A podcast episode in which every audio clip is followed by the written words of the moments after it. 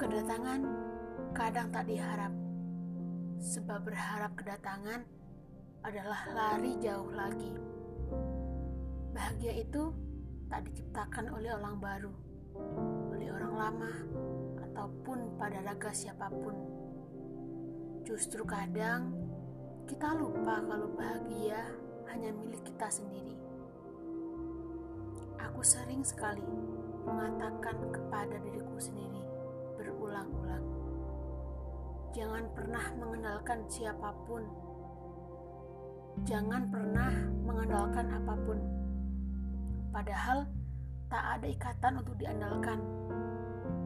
Kau adalah dirimu sendiri, pemilik segala rindu.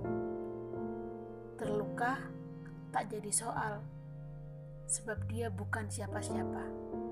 Kau adalah tuan rumahnya.